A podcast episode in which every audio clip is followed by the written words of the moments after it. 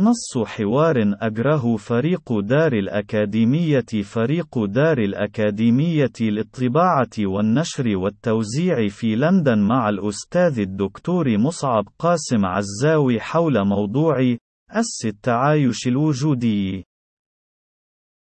فريق دار الأكاديمية ما هي برأيك طبيعة العلاقة بين نموذج عنف الإسلام السياسي وبين المصالح السياسية الغربية؟ مصعب قاسم عزاوي أولاً لا بد من الالتفات إلى حقيقة أن الإسلام السياسي بكل أشكاله الراديكالية والدعوية وما يقع فيما بينها، وعلى امتداد الجغرافيا الكونية من شبه القارة الهندية وصولاً إلى السواحل الإفريقية على المحيط الأطلسي، هو وليد الدعم المنقطع النظير في التأسيس والتوطيد والإنماء والأشرئباب من قبل القوى الغربية الفاعلة بدءا من تلك الاستعمارية الاستيطانية التقليدية وخاصة البريطانية منها في مرحلة الحرب العالمية الأولى وفترة ما بين الحربين، وصولا إلى استلام دفة الدعم والرعاية من قبل الأمريكان بعد حلولهم في موقع الإمبراطوريتين الاستعماريتين الآفلتين البريطانية أساسا والفرنسية بدرجة أقل أقل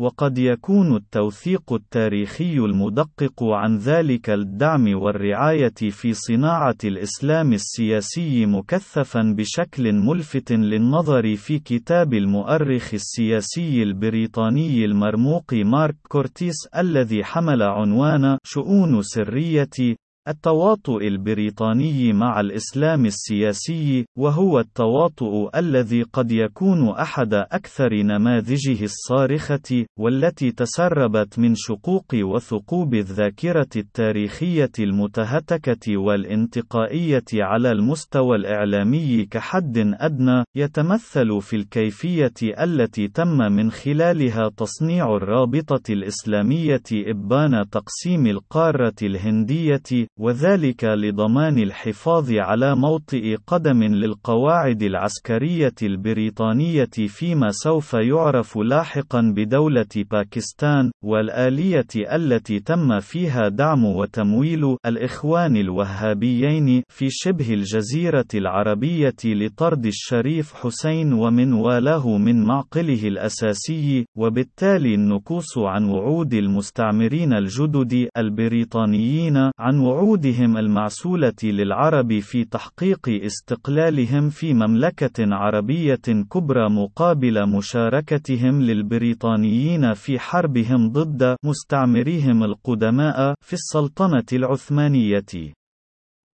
وأخر الأمثلة التراجيدية المعاصرة من ذلك التواطؤ المخاتل الخبيث يكمن في الآلية التي تم بها صناعة المجاهدين الأفغان تمويلا وتسليحا وإعدادا عقائديا من قبل الأمريكان ونواطيرهم في العالم العربي لطرد الغزاة السوفييت وهم المجاهدون الذين أفرزوا تيار القاعدة وما استنسخ عنه من أمساخ همجية، بعد أن تم تفريق أولئك المجاهدين المصنعين الأوائل لينتشروا على امتداد الجغرافيا العربية والإسلامية عقب غزو أفغانستان في العام 2001 بعد أن كانوا موضعين في حدود الجغرافيا الأفغانية حتى ذلك التاريخ. ويمكن التأمل في مجمل نتاج فعل الإسلام السياسي وعلى امتداد قرن من الزمن، كما لو أنه فيلم وثائقي لم ينتج عنه سوى مكاسب غير محدودة للفئات المهيمنة في الغرب وخاصة شركاته العابرة للقارات، ومن يمثلها من سياسيين قامت بتصنيعهم وتمويلهم للقيام بدور الإدارة السياسية للمجتمع. المجتمعات الغربية، وكوارث مأساوية مهولة عصية على الحصر والتوصيف في الدول التي نهض فيها الإسلام السياسي ليفصح عن وجهه الدميم بأشكال مختلفة قد يكون أكثرها خطورة وفتكا ذلك النموذج المعولم للعنف والإرهاب تحت لافتة الإسلام السياسي. ومن الناحية الواقعية فإن الإسلام السياسي العنفي مثل رافعة ضرورية لا بد من تخليقها في العالم الغربي، لأجل تهييج الرأي العام في تلك المجتمعات وإرغامه على قبول توجيه الرهط الأكبر من المقدرات الوطنية، ليس لأغراض التنمية المجتمعية في الصحة والتعليم ورفاه المواطنين، وإنما على الإنفاق العسكري العسكري المهول الذي يغدق عقودا وأموالا طائلة تعود في أصلها إلى دافع الضرائب في تلك المجتمعات لتصب في حسابات شركات المجمعات الصناعية العسكرية التقنية في الغرب، والتي تمثل الحاكم الفعلي في تلك المجتمعات، والتي دون وجود تهديد الإسلام السياسي و إرهابه المصنع، الذي يمكن أن يطال كل كل منزل وشارع وبناء في العالم الغربي، وليس من وسيلة لدرء بعبعه المتلطي وراء كل حجر وزاوية سوى بإعلان النفير العام الذي لا ينقطع، والإنفاق المنقطع النظير أمنيا وعسكريا، وهو ما يمثل الشيفرة السرية التي لا بد من استدامتها لضمان عيوشية شركات المجمعات الصناعية العسكرية. العسكرية التقنية التي لولا أموال دافعي الضرائب لكانت قد اندثرت منذ عقود طويلة جراء عدم الحاجة الموضوعية لوجودها وخاصة بعد انتهاء الحرب الباردة وتبخر الغول السوفيتي الذاوي من الخارطة السياسية الكونية. والإسلام السياسي العنفي يمثل أيضا حلا سحريا لمعضلة ضرورات اللعبة المسرحية السياسية في الغرب،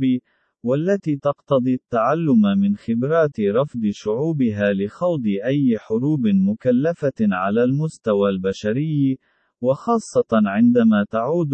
نعوش الجنود من تلك الحروب العدمية، كما كان الحال في تجربة مستنقع حرب فيتنام العضال، إذ أن المجتمعات والدول التي ينطلق منها الإسلام السياسي مجتمعات لا حول لها ولا قوة، ومقومات المقاومة فيها للآلة العسكرية الغربية الجلمودية شبه معدومة، وهي مجتمعات يمكن تهشيمها وتذريتها عسكريا من الجو باستخدام الصواريخ والطائرات، وبالاستعانة ببعض المرتزقة المحليين أو المستوردين، دون الوقوع في خطر الانزلاق في حرب مكلفة على المستوى البشري، قد تهيج الرأي العام في العالم الغربي، وتقود بالتالي إلى وقف صبيب أموال دافع الضرائب إلى حسابات الشركات العابرة للقارات في المجمعات الصناعية العسكرية التقنية في الغرب. والمكسب الاستراتيجي الموازي للفئات المهيمنة في الغرب من وجود وعمل الإسلام السياسي العنفي، يتمثل في أنه يمثل مبررًا لتأصيل الرهاب الجماعي المقيم من التدمير والقتل والرعب والإرهاب الظني الذي يتلطى وراء كل حجز وزاوية في الغرب، ولا بد من درئه بكل الأشكال والوسائل، حتى لو أقتضى ذلك التراجع عن جل مكتسبات حقوق الإنسان التي توصلت إليها المجتمعات الغربية عبر نضال طويل ومرير في مواجهة الاستبداد الصارخ فيها بما اضطره إلى التقهقر قليلا إلى شكل من الاستبداد المزوق شكليا بقشرة رفيعة من مبادئ احترام حقوق الإنسان و الحريات الأساسية، والتي لا بد من التغول على ما تبقى منها من قبل الفئات المسيطرة، والحد من توسعها وتأصلها في المجتمعات، والذي يعني في حال تحققه تأكلا لقدرات الفئات المهيمنة في الحفاظ على سيطرتها ونهبها المنظم لنتاج تلك المجتمعات، وبالاستناد إلى علم نفس القطيع المرتعد الفرائص، فإن توطيد حالة الرهاب الجمعي المقيم لا بد أن تقتضي من القطيع التخلي عن كل ما لا يرتبط بالبقاء والحفاظ على حيوات أفراد القطيع من الاندثار بسيف الإرهاب والإرهابيين، وإعطاء تفويض مفتوح لأولئك القادة من السياسيين الملهمين لاتخاذ كل ما هو ضروري ولازم للحفاظ على حيوات أفراد القطيع وحمايتهم من الموت الزؤام، حتى لو كان ذلك يعني تقويض كل تلك المكتسبات التاريخية المتعلقة بحقوق الإنسان والحريات الأساسية، وخاصة حرية الاجتماع والتظاهر والتعبير الفكري والسياسي، إذ لا صوت يعلو فوق قعقعة المعركة الوجودية مع الإرهاب.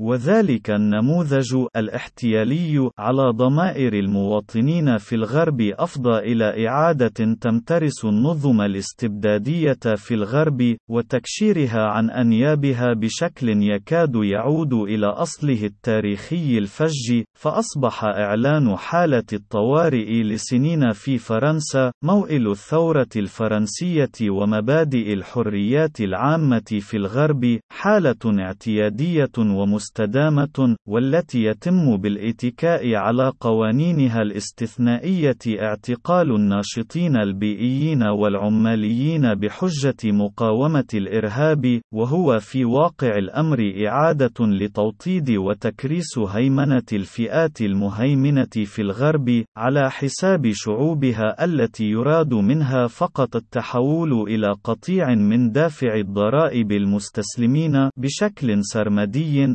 لإرادات القادة الملهمين وسياساتهم التي تلبي مصالح محركيهم الفعليين وصناعهم وممول حملاتهم الانتخابية من قبل أقطاب الهيمنة الفعليين في الشركات العابرة للقارات في تراجيديا اجتماعية تظهر بشكل لا يغيب بؤسه عن عيني كل مراقب مدقق فيما قد لا يجد طريقه إلى شاشات الإعلام المتسيد.